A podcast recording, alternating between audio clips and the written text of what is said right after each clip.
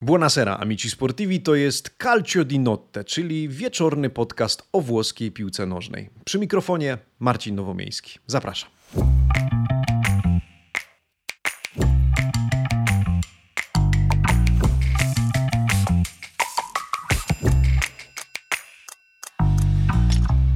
No i jestem znowu z wami w swojej jaskini.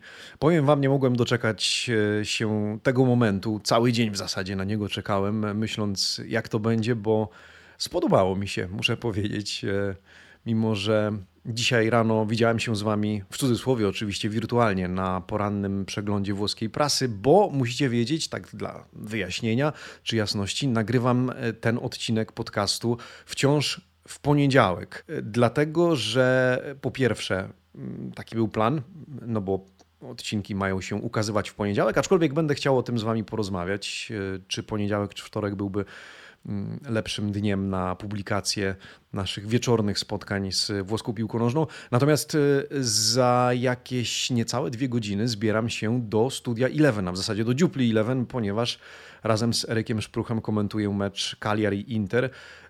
Więc przy okazji opowiem Wam, jak się do tego meczu przygotowywałem, do, do komentowania tego, co wydarzy się na Sardenia Arena. Natomiast y, w związku z tym właśnie, że komentuję dzisiaj ten mecz, wrócę późno, bo wrócę pewnie po 23. No i nie zdążę już złożyć tego podcastu, więc zostanie on opublikowany e, jutro, więc słuchacie go we wtorek, ale nagrywka wydarzyła się z Waszej perspektywy dzień wcześniej, wczoraj.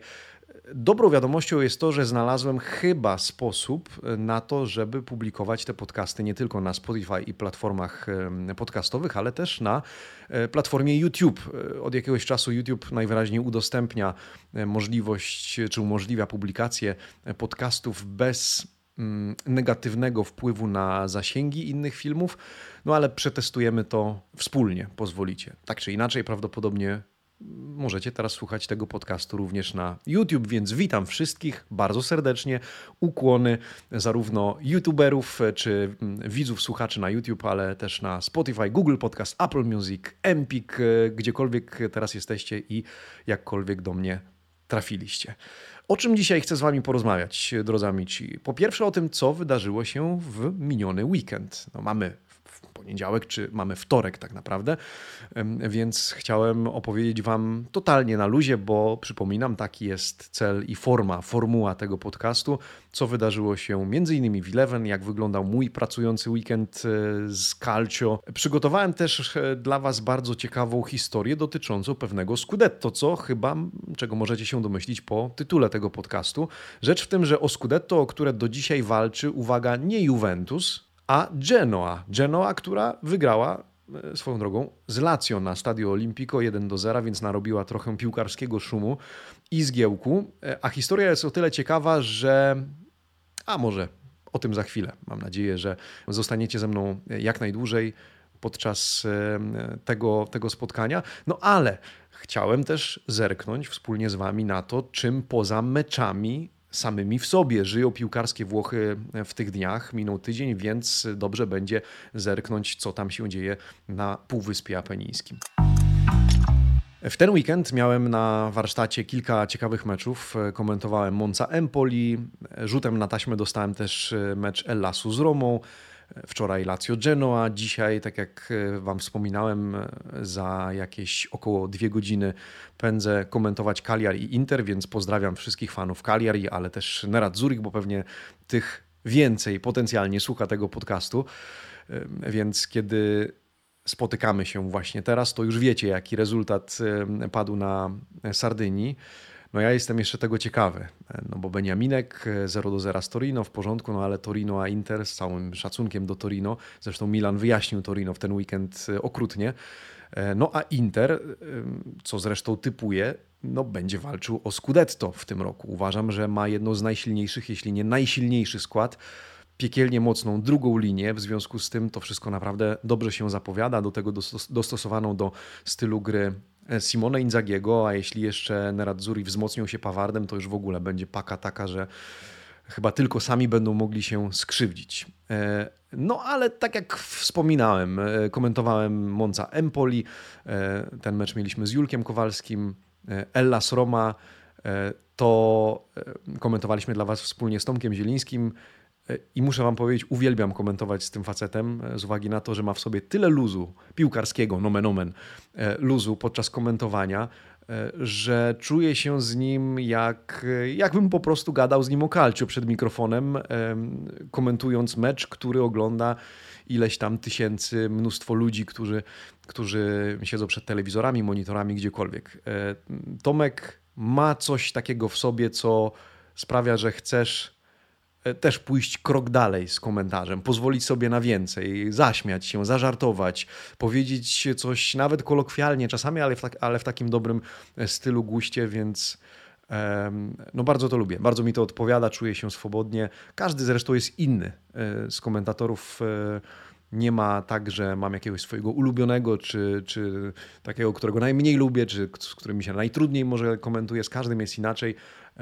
Bardzo lubię z Julkiem, z Piotrkiem Dumanowskim. Każdego na swój sposób trzeba się nauczyć, tak jak każdy mnie w jakiś sposób na pewno musi się nauczyć i niekoniecznie musi ze mną akurat lubić komentować mecze, no ale staramy się wszyscy jak domyślacie się podchodzić do tematu profesjonalnie i w pełni skupiamy się na tym, żeby dowieść temat jak najlepiej, bo liczycie się przede wszystkim wy, którzy umówmy się i powiedzmy wprost, płacicie za to, żeby mieć dostęp do Eleven i e, żeby móc e, mecze oglądać. Więc oczekujecie dobrego komentarza. E, miałem więc maraton w dziupli numer 3, bo zarówno mecz Monza Empoli, jak i Hellas Roma transmitowaliśmy na, na trójce. Wczoraj Lazio Genoa w dwójce, dzisiaj Cagliari Inter też w dwójce. E, no ale pytaliście i w ogóle w tym miejscu chciałbym podziękować was, Wam za, za to, że naprawdę dostałem po pierwszym odcinku podcastu sporo wiadomości, zarówno na, na maila, przypominam, Marcin Małpa, amicisportivi.com, Możecie znaleźć mnie też na Twitterze, wysłać mi wiadomość prywatną, czy też, czy też na Facebooku, ale pewnie Twitter i mail to najszybszy sposób na to, żeby się do mnie odezwać. No i tych pytań sporo dostałem, tak samo jak propozycji e, tematów, które mógłbym poruszyć w trakcie podcastu Calcio di Notte.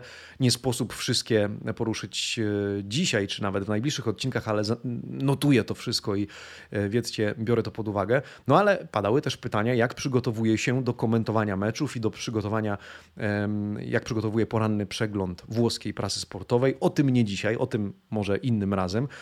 Natomiast skoro przed chwilą przygotowywałem się do meczu Cagliari-Inter, e, to pomyślałem, że opowiem Wam o tym z własnej perspektywy, chociaż myślę, że więcej mieliby do powiedzenia moi bardziej doświadczeni redakcyjni koledzy. No ale e, dajmy temu szansę. Po pierwsze, do komentowania meczów przygotowuje się zupełnie inaczej niż do rozmowy w studiu, no bo tam nie wiemy, jaki scenariusz ma rozmowa, celowo nie przygotowujemy się pod tym względem, to nie są rozmowy absolutnie ustawiane, wiadomo. E, idziemy na kanapę, siedzimy naprzeciwko Mikołaja Kruka albo Mateusza e, Majaka i tak w jaki sposób oni poprowadzą tę rozmowę, tak i my w niej uczestniczymy.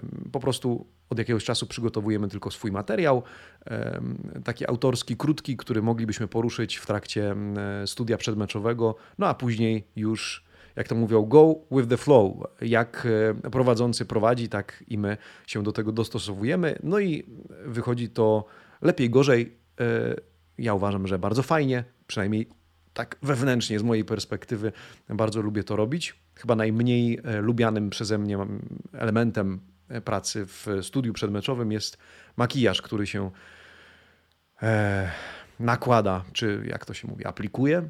W każdym razie makijaż, który trzeba, o który trzeba zadbać i absolutnie pozdrawiam nasze panie mm, makijażystki, natomiast po prostu nie lubię tego nosić na twarzy, to jest inna zupełnie materia. Ale no, miałem powiedzieć o komentowaniu, żeby nie przegadać. Y, do komentowania przygotowuję się zupełnie inaczej, bardziej nawet skrupulatnie. Co prawda, oczywiście duży margines zostawiam na spontan i na to, co dzieje się na boisku, no bo tutaj nie przewidzi się praktycznie niczego, może poza składami, w których mniej więcej obie jedenastki mogą wyjść na, na boisku. No więc przez jakiś czas, odkąd zacząłem uczyć się komentowania, bo w ogóle e, powinniście wiedzieć i powinienem się do tego przyznać, że uważam, że akurat komentowanie meczów to jest robota, której się raczej nie nauczę. Że studio w porządku, lubię mówić, mówię dużo, czasami przegaduję tematy, no ale studio, ok, czułem się i czuję nadal w tym dobrze. Natomiast komentowanie to już była dla mnie inna para butów, zupełnie inna inaczej czy na innej wysokości zawieszona poprzeczka, nie dla mnie. Ale pomyślałem, chcę się tego nauczyć, jakkolwiek. No i w jakiś sposób mam wrażenie, że cały czas się tego uczę, ale czuję się już naprawdę dobrze w tym wszystkim. Jako dwójka jeszcze nigdy nie komentowałem jako pierwszy komentator. Może któregoś razu spróbuję, kto wie, jeśli dostanę taką szansę. W każdym razie e, tak zacząłem podpatrywać, kto jak w ogóle przygotowuje się do komentowania meczów. Jeżeli kojarzycie format Znamy się z Calcio, czyli takich kilka wywiadów, które przeprowadziłem w e, Ergol. E, jeden z nich, jedną taką rozmowę przeprowadziłem z Piotrkiem Dumanowskim i wtedy właśnie skupiliśmy się na kulisach komentowania, więc odsyłam Was do tego odcinka na naszym kanale e, spośród wszystkich najchętniej oglądany, ale też Piotrek jest postacią bardzo wyrazistą i bardzo fachową, jeśli chodzi o ten zawód. Więc y, on tam odsłania trochę kulisów swojego komentowania, swojego stylu, ale też z nim rozmawiałem. No podpowiedz mi, jak tu się organizujesz, co notujesz, y, co, czego potrzebujesz w trakcie meczów, co warto mieć, y, jak to wszystko wygląda. Oczywiście musiałem się nauczyć technikaliów. Dla przykładu ciekawostką jest to, że Mateusz Święcicki, którego na pewno znacie, praktycznie przychodzi bez notatek. Przygotowuje sobie, oczywiście ma swoje źródła informacji, z których korzysta, ale na żywo. Z kolei Julek Kowalski e, często ma skrupulatne notatki na temat każdego zawodnika, nawet tak skrupulatne, jakich ja, w jaki sposób ja nie opracowuję e, notatek. Więc każdy ma swój styl, ale wiele rzeczy dzieje się po prostu na żywo. W związku z tym, tak po miesiącach e, przepracowywania tego tematu, ostatecznie stwierdziłem, że przygotowuję sobie to, co najważniejsze, czyli informacje o klubie, trenerze, e, czytam konferencję prasową, a w zasadzie, jeśli jest możliwość, to oglądam, e, wolę oglądać konferencję prasową niż czytać zapis, no bo widać wtedy emocje trenera, zapis to głównie esencja, nie oddaje wszystkiego, co dzieje się w sali konferencyjnej, na pewno nie atmosfery na niej. Na przykład ciekawie jest spojrzeć, jak Massimiliano Allegri E, rozmawia z dziennikarzami. Zresztą kiedyś robiliśmy taką kompilację, czy tłumaczenie kompilacji tego, jak rozmawia z dziennikarzami. Ostatnio miał kosę z jedną e, z redaktorek gazety Dello Sport, panią Fabianą Della Valle i te ich sprzeczki, potyczki słowne też było fajnie e, oglądać.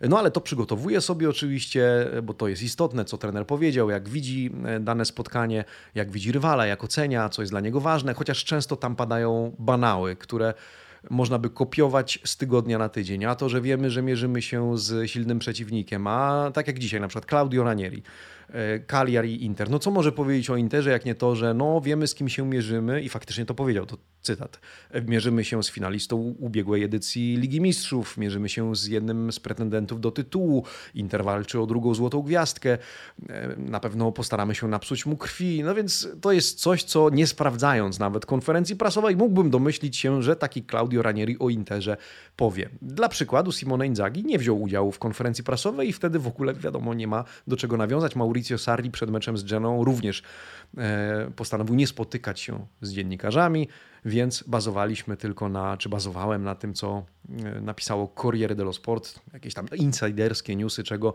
Sarri oczekuje od dziennikarzy, co też jakimś odkryciem nie jest, skoro przegrali z Lecce i grają z Geną.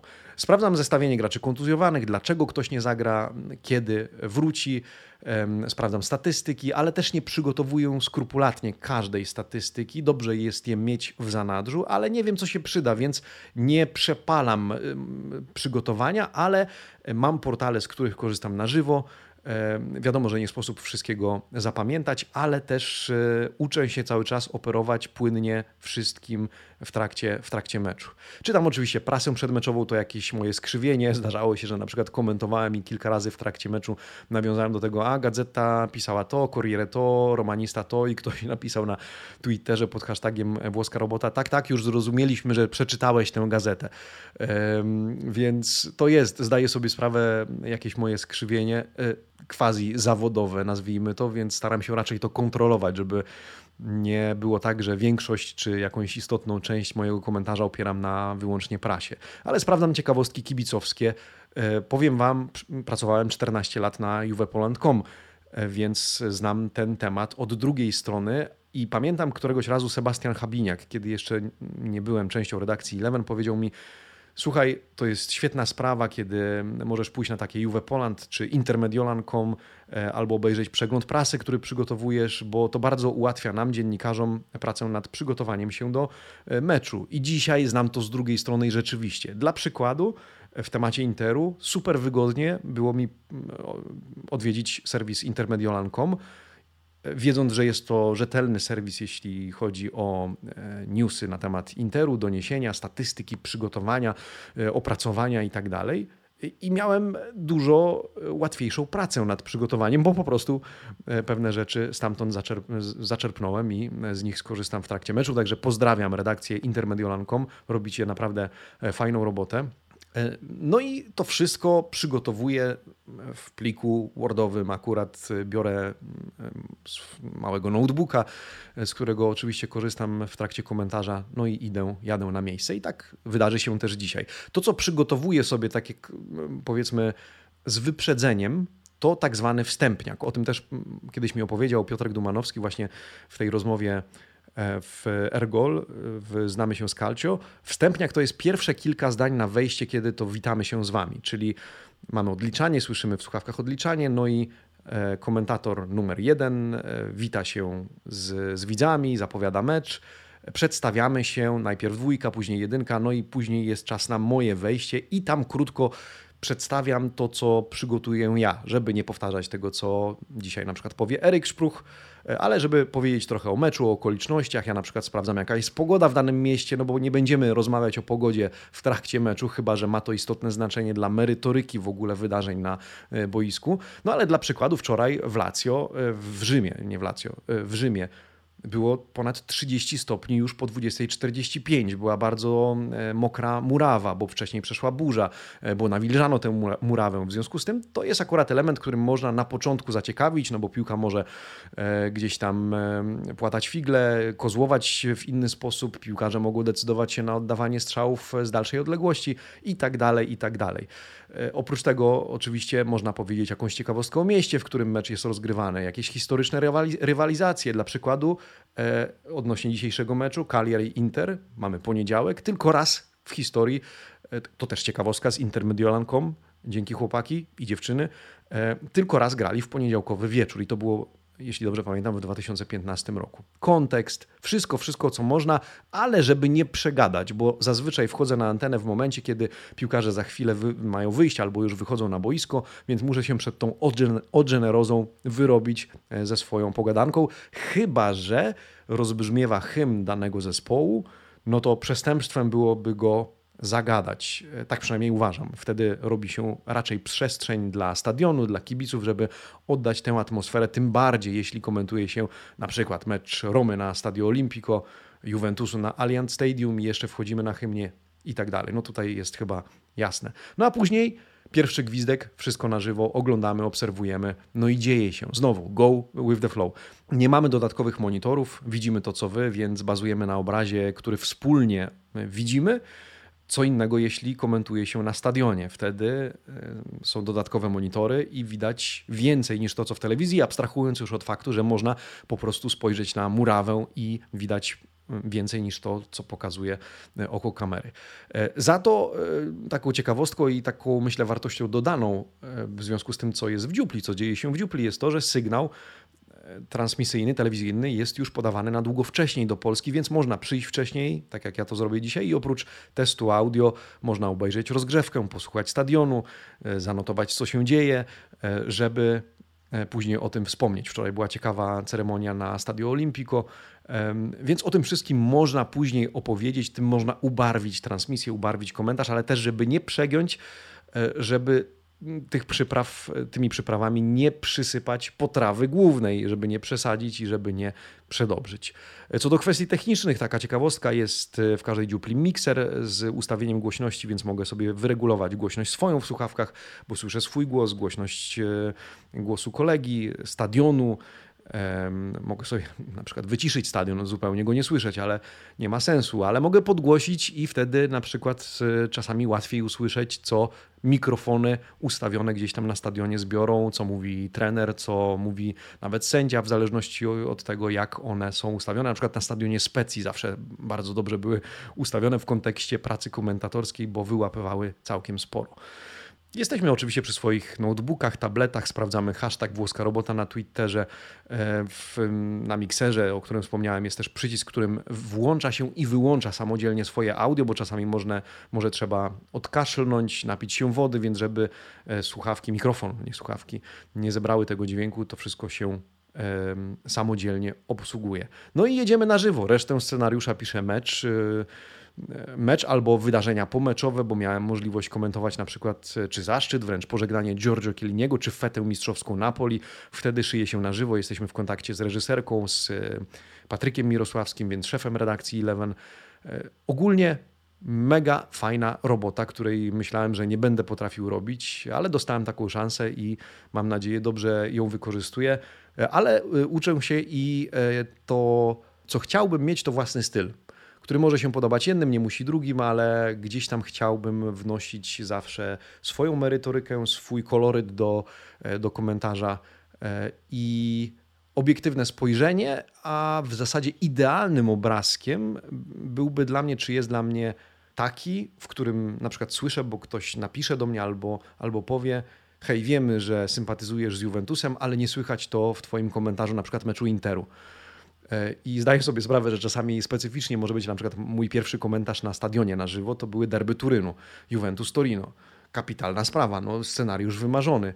Tylko, że jak strzelił Andrea Bellotti, to mógł mnie szlak trafić jako kibica, widząc co się dzieje, no ale chwila, no, emocjonujemy się tak samo i to musi być e, emocja czysto piłkarska, nie sztuczna, szczera, e, więc powiem wam, praca w Eleven i w studiu i w roli komentatora nauczyła mnie czegoś, co bardzo doceniam, takiego szerszego spojrzenia na świat calcio, ale nie, nie tylko ze względu, nie z perspektywy wiedzy o świecie calcio, no bo muszę przeczytać o takim Frozinone, kto tam gra, skąd pochodzi, skąd przyszedł i czym dojechał, e, ale też takiego kibicowskiego spojrzenia, docenienia rywala, których kiedyś, umówmy się, po kibicowsku nienawidziłem.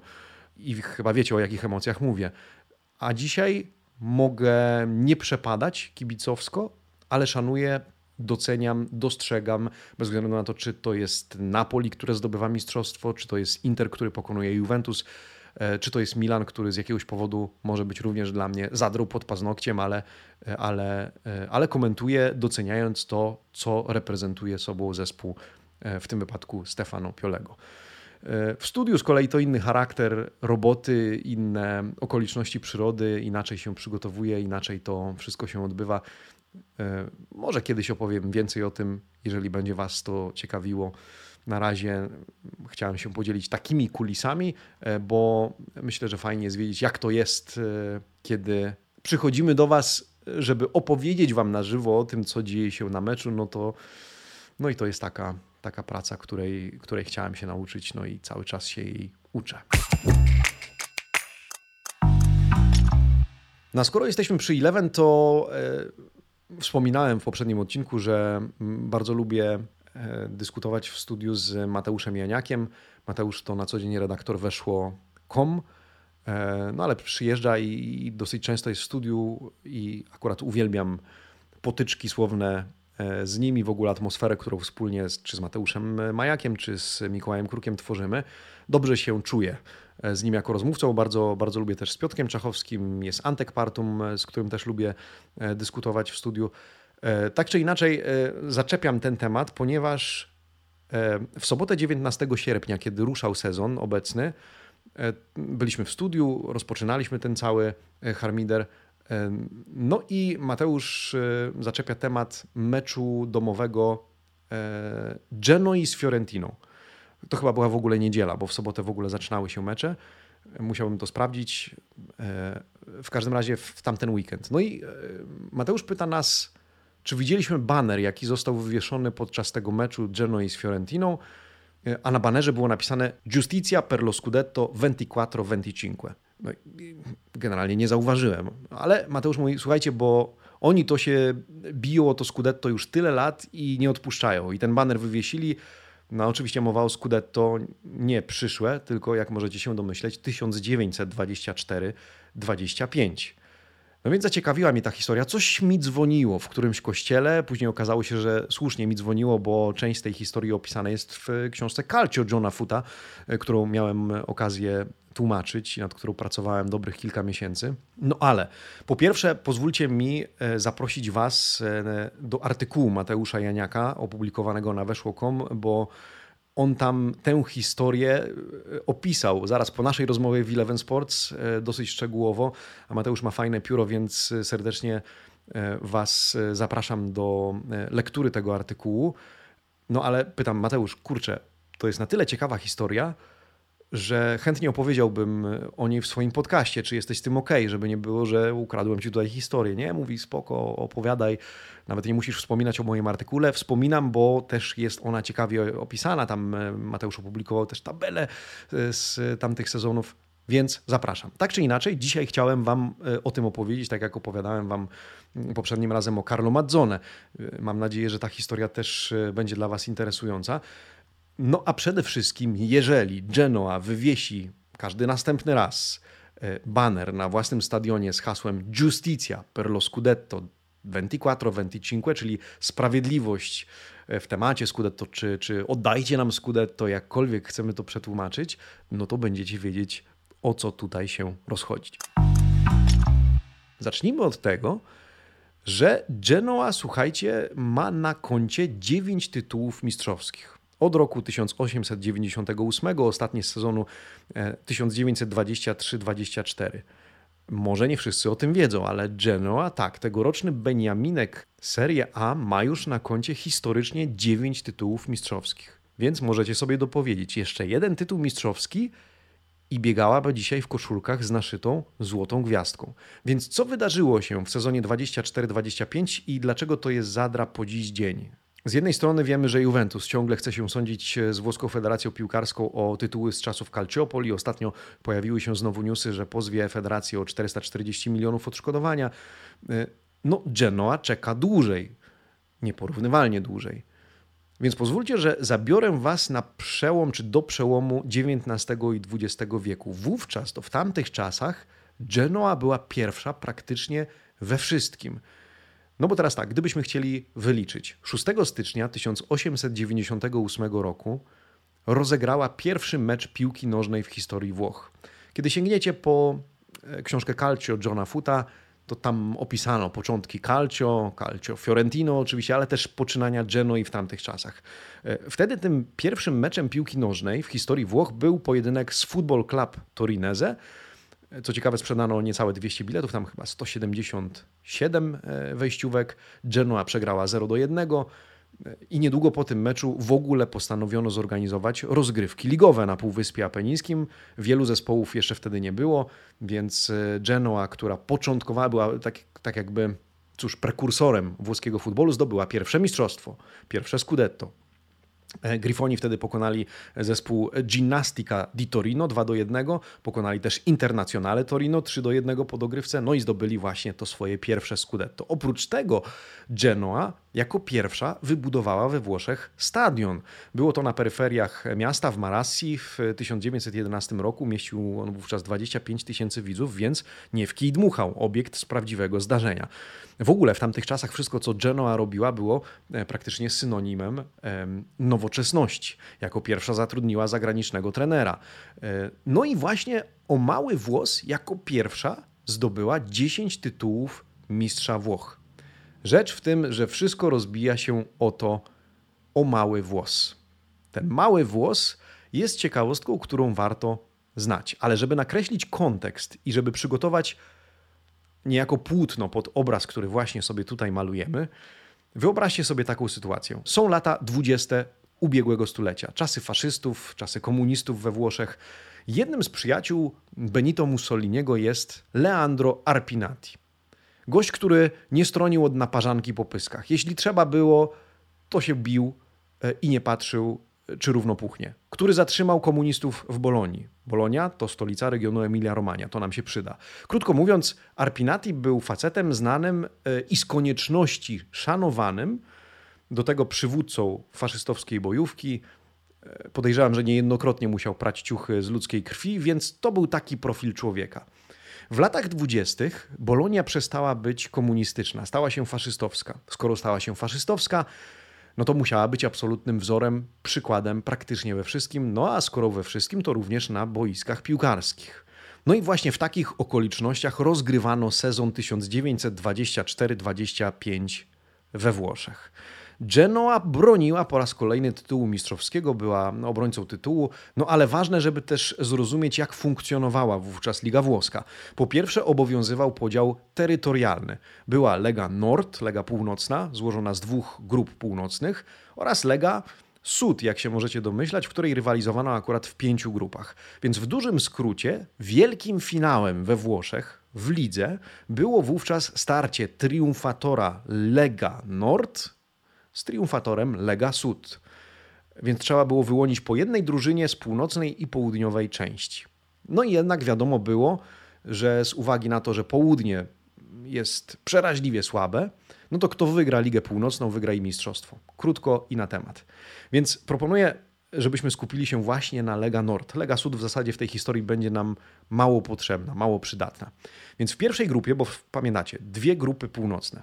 W pierwszej grupie, powiedzmy w grupie A, triumfowała bez zaskoczenia Genoa, chociaż y, wyprzedziła Modenę tylko o jeden punkt, więc to nie była jakaś hiperprzewaga. W drugiej grupie, w grupie B, triumfowała Bolonia. Bolonia była wtedy lepsza o dwa punkty od Provercelli i o dwa punkty od Juventusu. No więc y, przyszedł czas na finał Ligi Północnej. Genoa kontra Bolonia. Był to dwumecz, więc mecz i rewanż. Pierwsze spotkanie rozgrywano w Bolonii, no i Genoa wygrała je 2 e, do 1. E, rewanż w Genui wygrała z kolei Bolonia. E, również 2 do 1. Więc wypisz, wymaluj, kopiuj, wklej, przyjezdni wygrywają mecz 2 do 1. Więc w dwumeczu 3-3. Zgodnie z ówczesnymi zasadami trzeba było rozegrać trzecią potyczkę, żeby wyłonić mistrza Lega Nord. No ale ta trzecia potyczka, powiedzmy ten rematch, taka dogrywka, e, miała być rozegrana na neutralnym boisku.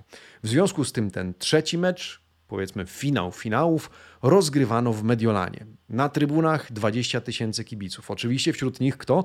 Leandro Arpinati. Atmosfera gęsta, że powietrze nożem można e, kroić. Fani jednej i drugiej drużyny gotowi do boju i to w dosłownym tego słowa znaczeniu. No trup potencjalnie może słać się za chwilę gęsto, zwłaszcza agresywnie nastawieni czy bojowo powiedzmy ci z Bolonii.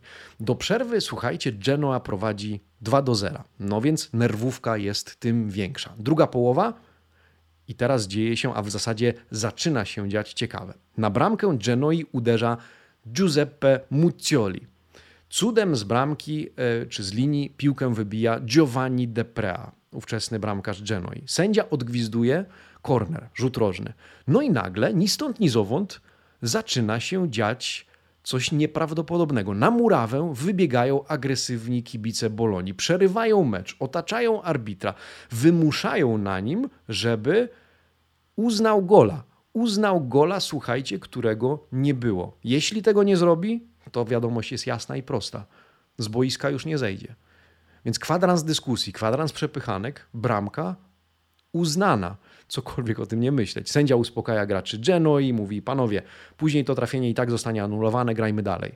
Tyle, że żeby było ciekawiej, pod koniec meczu Bolonia już naprawdę strzela legitnego gola, powiedzielibyśmy, i wyrównuje na 2 do 2. Więc sprawia, czy doprowadza to do sytuacji, w której trzeba rozegrać dogrywkę, jakiś absurd, jakieś kuriozum. No więc Genoa, chyba nieufna już wobec arbitra, odmawia rozegrania dogrywki. Ona mówi, nie ma takiego grania, nie, nie wychodzimy w ogóle na, na dogrywkę. Więc mecz nie zostaje formalnie dokończony. Choć dla Genoi jest jasne, oni powinni ten mecz wygrać 2 do 1. Tam bramki Bolonia nie zdobyła. Jedni i drudzy się odwołują. Genoa, no bo kibice wtargnęli na murawę, bo nie było warunków. Sędzia uznał e, gola, którego nie było. Bolonia się odwołuje, no bo Genoa nie podeszła e, do dogrywki, nie wyszła na murawę. Więc co ostatecznie zrobić? No więc co ostatecznie zrobiono?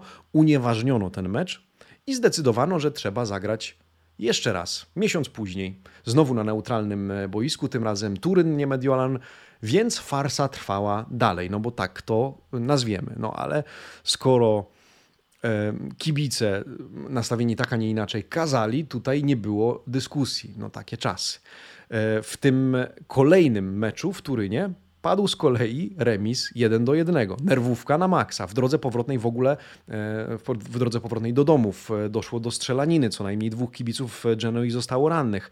No a rozstrzygnięcia jak nie było, tak nie było. A ktoś przecież musi Ligę Nord wygrać. Tam e, na południu grają, rozstrzygają, nic takiego się nie dzieje, a na północy tłuką się, jakby nie wiadomo o co chodziło, no ale chodziło, nie wiadomo o co, w sensie wiadomo o co chodziło. Chodziło o Scudetto. Mm, więc w związku z tym, skoro ktoś musi Ligę Nord wygrać, władze włoskiej Federacji Piłkarskiej ówczesnej wpadły na pomysł. Jaki?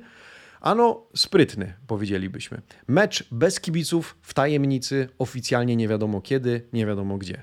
No geniusze. Paradoks polegał na tym, że zawodnicy Genoi w ogóle nie zostali poinformowani, co z tym meczem. W związku z tym, co zrobili, rozjechali się na urlopy.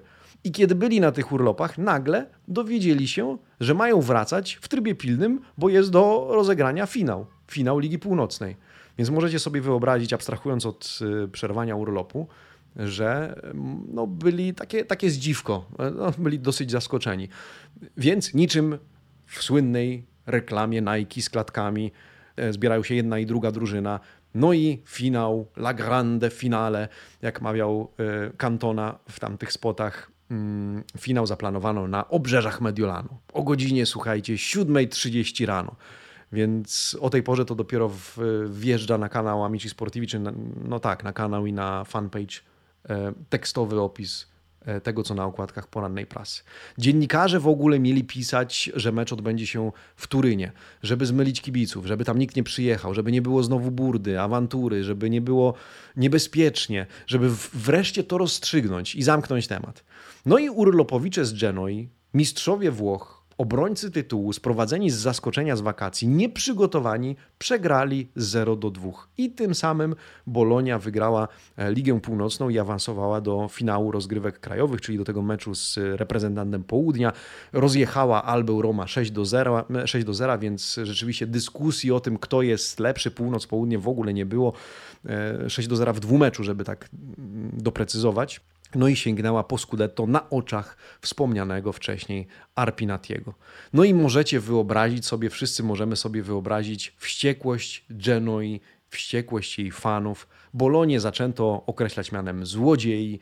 E, do dzisiaj nie podarowano jej e, i federacji, zresztą Scudetto z e, właśnie roku sezonu 2024-2025, tym bardziej, że tak jak wspomnieliśmy wcześniej, Gdyby zdobyła je Genoa, co było wielce prawdopodobne, na co miała naprawdę duże szanse, biorąc pod uwagę jakość piłkarską, no i całą historię jej e, dorobku, oczywiście nic pewnego nie ma, ale umówmy się, wygrywali 2 do 1. To jako pierwsza naszyłaby na trykoty złotą gwiazdkę e, za 10 tytułów mistrzowskich. No i tak już można bardziej zrozumieć, że do dzisiaj wśród fanów Rossoblu, ale tych z Genui, nie z Bolonii, bo to też przecież Rossoblu, mówi się o ogromnej niesprawiedliwości, czy wręcz przekręcie z lat dwudziestych ubiegłego stulecia, e, który zaczął się od uznania gola, którego nie było, a do uznania którego zmusili, zmusili mm, sędziego ówcześni kibice Bolonii, nastawieni powiedzmy dosyć bojowo do tego, żeby bronić barw swojego zespołu. No i klub co jakiś czas, słuchajcie, do dzisiaj próbuje wracać do tematu. Na przykład e, ciekawostka, pięć lat temu zaproponowano, zaproponowano, by federacja uznała dwóch mistrzów z tamtego roku, egzekwo Bolonię i Genoę, co dałoby oczywiście Gryfonom dziesiąte Scudetto, no ale póki co nic z tego nie wyszło. Władze klubu, czy w zasadzie władze, przedstawiciele komunikacji, działu komunikacji, PR klubu nazywają to un progetto delicatissimo. Wcześniej mówiliśmy, że partita może być delicatissima, to tutaj bardzo, molto delicatissima, choć wyraz delicatissima sam w sobie zawiera w swoim sensie molto. E, no, ten projekt też jest bardzo delikatny, wrażliwy, e, nazwijmy to nic póki co z niego nie wyszło. Mało kto spodziewa się, że kiedykolwiek wyjdzie. No ale kibice czują czują swoje. Dlatego jeśli na meczach domowych Genoi zauważycie kiedykolwiek banner Giustizia per lo Scudetto 24, 25, to teraz będziecie już wiedzieli, co oznacza i jaki sens się za nim kryje. Ostatnio w tym meczu z Fiorentiną był on umiejscowiony mniej więcej, nie bezpośrednio za bramką, tą po prawej stronie, ale tak mniej więcej kamera telewizyjna go wychwytywała, więc wypatrujcie, może akurat będzie, e, będzie wywieszony. Tyle historii o Genoi. Mam nadzieję, że dowiedzieliście się czegoś, czegoś nowego, co, co Was zaciekawiło. Natomiast e, w tym ostatnim bloku naszego, naszego dzisiejszego spotkania z e, włoską piłką chciałbym e, krótko pogadać z Wami o tym, czym żyły piłkarskie Włochy w ubiegłych kilku dniach, w, minionym tygodniu. Oprócz tego, co wiecie z porannego przeglądu e, włoskiej prasy sportowej. Widzę już, że ten odcinek będzie nieco dłuższy niż poprzedni, ale pisaliście, że mogę mówić nawet godzinę i będzie ok. No więc sprawdzam, mówię, sprawdzam, jak w pokerze. E, czym żyły Włochy, piłkarskie Włochy w minionym tygodniu? Na pewno tym, że Roberto Mancini przeprowadza się do Arabii Saudyjskiej i będzie selekcjonerem reprezentacji tegoż kraju. Największe kuriozum dotyczy kwot, jakie miałby zarabiać, bo pisano już o tym, że zarobi 90 milionów euro za 3 lata, 50 milionów za 3 lata. Corriere dello Sport e, pisało dzisiaj, czyli wczoraj, z perspektywy wtorku, e, że to będzie 70 milionów za 4 lata. Gazeta dello Sport, że 90 milionów e, tak czy inaczej ogromne pieniądze, no furę kasy. On sam w ogóle zadeklarował, napiszę tu historię niczym w Europie. No i jakiś czas temu Arrigo Sacchi z kolei, pytany o to, jak postrzega w ogóle takie, a nie inne rozstanie Roberto Manciniego z kadrą Włoch, powiedział, że no nie można mieć pretensji do kogoś, kto chce zarabiać więcej. Skoro otrzymał taką ofertę, to rzecz ludzka rozważać takie propozycje, ale mam takie wrażenie i niesmak duży tworzy to, czy podsyca to, że Roberto Mancini powiedział, że rezygnuje z kadry Azzurrich, z pracy w kadrze Azzurrich z powodów personalnych i dzisiaj wszyscy się śmieją, bądź prawie wszyscy we Włoszech, że tymi problemami personalnymi pewnie było liczenie pieniędzy, które dostanie od arabskich szejków. No ale takie mamy teraz czasy. Gabri Veiga zresztą też 21 lat i przeprowadza się do Arabii Saudyjskiej, kiedy był już o krok od e, Napoli, mistrzowskiego Napoli powiedzmy. E, pytanie więc, czy wróci, czy pójdzie do Arabii, nie wiem, pogra 2-3 lata, wróci jeszcze w kwiecie wieku, 24 lata to wciąż szmat czasu e, do rozegrania, czy do wykorzystania w karierze piłkarskiej. No ale przyznajmy, budzi większy bądź mniejszy niesmak, ale przyzwyczajamy się powoli do tego, że Arabowie są destynacją pożądaną przez coraz większą liczbę piłkarzy. Jeszcze pół biedy, jak są pod koniec swojej kariery piłkarskiej, wtedy można to zrozumieć gorzej. Jeżeli jeszcze mogliby pograć w Europie, wówczas to dyskusja na temat tego, czy mają jeszcze za grosz ambicji, czy, czy nie, zaogniają się tym bardziej bo jedni rozumieją, inni mówią, że, że to jakaś żenada wybierać Arabię, ale e, abstrahując od tego, że w ogóle, co warto też wiedzieć, Mercato Arabia zakończy dopiero 20 września, więc do 20 września może kupować, a Włosi, mimo że zakupy kończą 1 września o godzinie 20, to dopóki ktoś kupuje, mogą sprzedawać. Więc do Arabii do 20 września włącznie mogą teoretycznie sprzedawać. To warto rozumieć jako kontekst. Ale w całym tym kontekście i w całym tym zamieszaniu e, wokół Manciniego, ubieranego przez Gazetę dello Sport w strój e, szejka czy, czy, czy w strój arabski, widać, że no, są urażeni tą decyzją. Jak można zostawić e, nacjonale, reprezentację Włoch, kadrę narodową dla pieniędzy i projektu w porządku. Możemy się spierać, czy to projekt ambitny, czy nieambitny, no ale wiadomo, czym jest e, wyłożony, podszyty, ubarwiony e, czy ozdobiony. To Tutto Sport pisało też trochę dumnie, że uwaga, nie wszystko złoto, co się świeci, bo Liga Arabska akurat ma bardzo kiepskie wyniki oglądalności we Włoszech. Bo być może wiecie, w Polski to też dotyczy, że wykupiono prawa telewizyjne do pokazywania meczów Ligi Saudi Pro we Włoszech. No bo skoro przeprowadza się tam Benzema, Ronaldo, Neymar, no to czemu nie pokazywać będą chcieli przecież ludzie to oglądać. We Włoszech znajdziecie te mecze na kanale La Sette, e, więc kanale, mówiąc kolokwialnie, siódmym. Rzecz w tym, że pierwsze dwa mecze, które transmitowano we włoskiej telewizji, obejrzało raptem odpowiednio 64 i 154 tysiące widzów. A chodzi o mecze z Cristiano Ronaldo, Benzemo, Brozowiczem czy Mane w składzie. Mecze w piątek wieczorem. A tutaj w topa udział e, wynosił raptem 2,1% według danych Auditel, co i tak jest wynikiem lepszym od tego pierwszego meczu właśnie z Cristiano Ronaldo, który zabrał w ogóle mierne 64 tysiące widzów, co stanowiło mniej niż 2% e, udziału. No i Włosi piszą, jednak nie o wszystkim decydują pieniądze. To jest teleflop. Lubią te określenia Włosi, flop. Arabowie wydali póki co miliard i 300 milionów euro, nasprowadzali gwiazd i gwiazdeczek, a tu proszę, u nas we Włoszech nikt nie chce ich oglądać, bo u nas we Włoszech to ludzie oglądali Real Madryt, a nie Benzemę. Nie oglądali Ronaldo. Oni oglądali kluby. U nas ceni się piłkę, drużyny, bardziej niż piłkarzy. Nie idziemy za pieniędzmi. Nie oglądamy tych, którzy idą za pieniędzmi. Nie zawsze ten, który wydaje najwięcej, później wygrywa i zapewnia najlepsze emocje. To już pokazał ewidentnie przykład PSG, takie stwierdzenie pojawia się w tym artykule. Na, na dokładkę redakcja cytuje Włochów, którzy tej ligi w ogóle nie oglądają i nie zamierzają oglądać, którzy mówią na przykład, a kogo panie to obchodzi, jak można w ogóle brać na poważnie ligę, w której mierzą się ze sobą dwa zespoły, których właścicielem jest e, ten sam człowiek, daj pan spokój. No ale są też tacy, którzy mówią hola hola, dajcie tym Arabom trochę czasu, bo pamiętajcie, że kiedy Del Piero przeniósł się do Ligi Australijskiej, nagle wiele osób zaczęło oglądać Ligę Australijską, a przynajmniej mecze Sydney FC. Więc pewnie jak to bywa e, z, mm, u mechanika, jeździć, obserwować, będziemy jeździć, obserwować, no ale na razie Włosi tak, tacy wydają się być obrażeni na tych, którzy śmiali w ogóle, czy śmieli się mówi, śmiali, e, mieli czelność w ten sposób przeprowadzić się kosztem, w ogóle wyprowadzić się z Serie A na rzecz Ligi Arabskiej. No jak to brzmi w ogóle? A w czym Włosi są gorsi w takim razie? E, no i e, takie artykuły w takim tonie piszą, jedni bardziej o tym, że Arabowie to zagrożeni, zagrożenie są tacy, którzy mówią, a Andrea Anieli was ostrzegał i ten projekt Superliga miał swój sens i teraz zaczynacie rozumieć półgłówki wy. E, o co tutaj chodziło. Nie słuchaliście dobrych rad. No a są też tacy, którzy e, po prostu gdzieś tam są totalnie obojętni wobec tego wszystkiego i grają, nie grają, mniejsza z tym.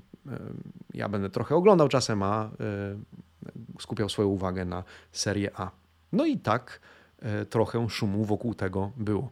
A oprócz tego pisało się na przykład dużo o tym, że zdjęto ograniczenia terytorialne z sędziów meczów Serie A. No, Daniel Doveri mecz Ellas Roma. Doveri, który mieszka w Rzymie, e, prowadził mecz rzymskiej ekipy. Do tej pory to było niedopuszczalne, no bo jakże, a jeśli by faworyzował swój zespół, swój w cudzysłowie oczywiście, e, no ale Włosi dumni znowu byli.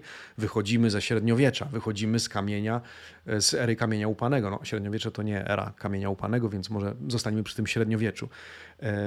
No i zobaczcie, że Daniel Doveri, nie wiem jak oceniacie jego pracę w tym meczu, ale mam wrażenie, czy odniosłem wrażenie, że był bardziej surowy wobec Romy właśnie. I pytanie, czy to zupełnie przypadek, czy jednak właśnie chciał udowodnić gdzieś tam podświadomie, przygotowując się do tego meczu, no bo on sam wcześniej powiedział, że jest dumny z tego, że został obdarzony takim zaufaniem, że jest profesjonalistą i tak dalej. Może podświadomie chciał pokazać, że właśnie nie będzie faworyzował Romy. No a wiecie, jak to czasami jest, tak samo jak z kibicami czasami jest, że bardziej są krytyczni wobec swojej, w cudzysłowie, e, drużyny niż wobec, wobec innych. E, tu oczywiście nie posądzam Doveriego o kibicowanie e, Romie. Zresztą niektórzy zarzucają mu kibicowanie Interowi, kiedy go no, zauważono na mm, lotnisku z plecakiem czy torbą Interu, już nie pamiętam, z logo Interu Mediolan, ale to zupełnie, zupełnie inna historia. Więc to był też jeden z tematów. Zresztą mecz Lazio kontra Genoa też sędziował, mecz, też sędziował arbiter pochodzący z regionu Latium, więc z tamtejszej okolicy. No i Romelu Lukaku w Romie. Umówmy się, to jest temat, jeśli nie numer jeden, to numer 1A na przykład.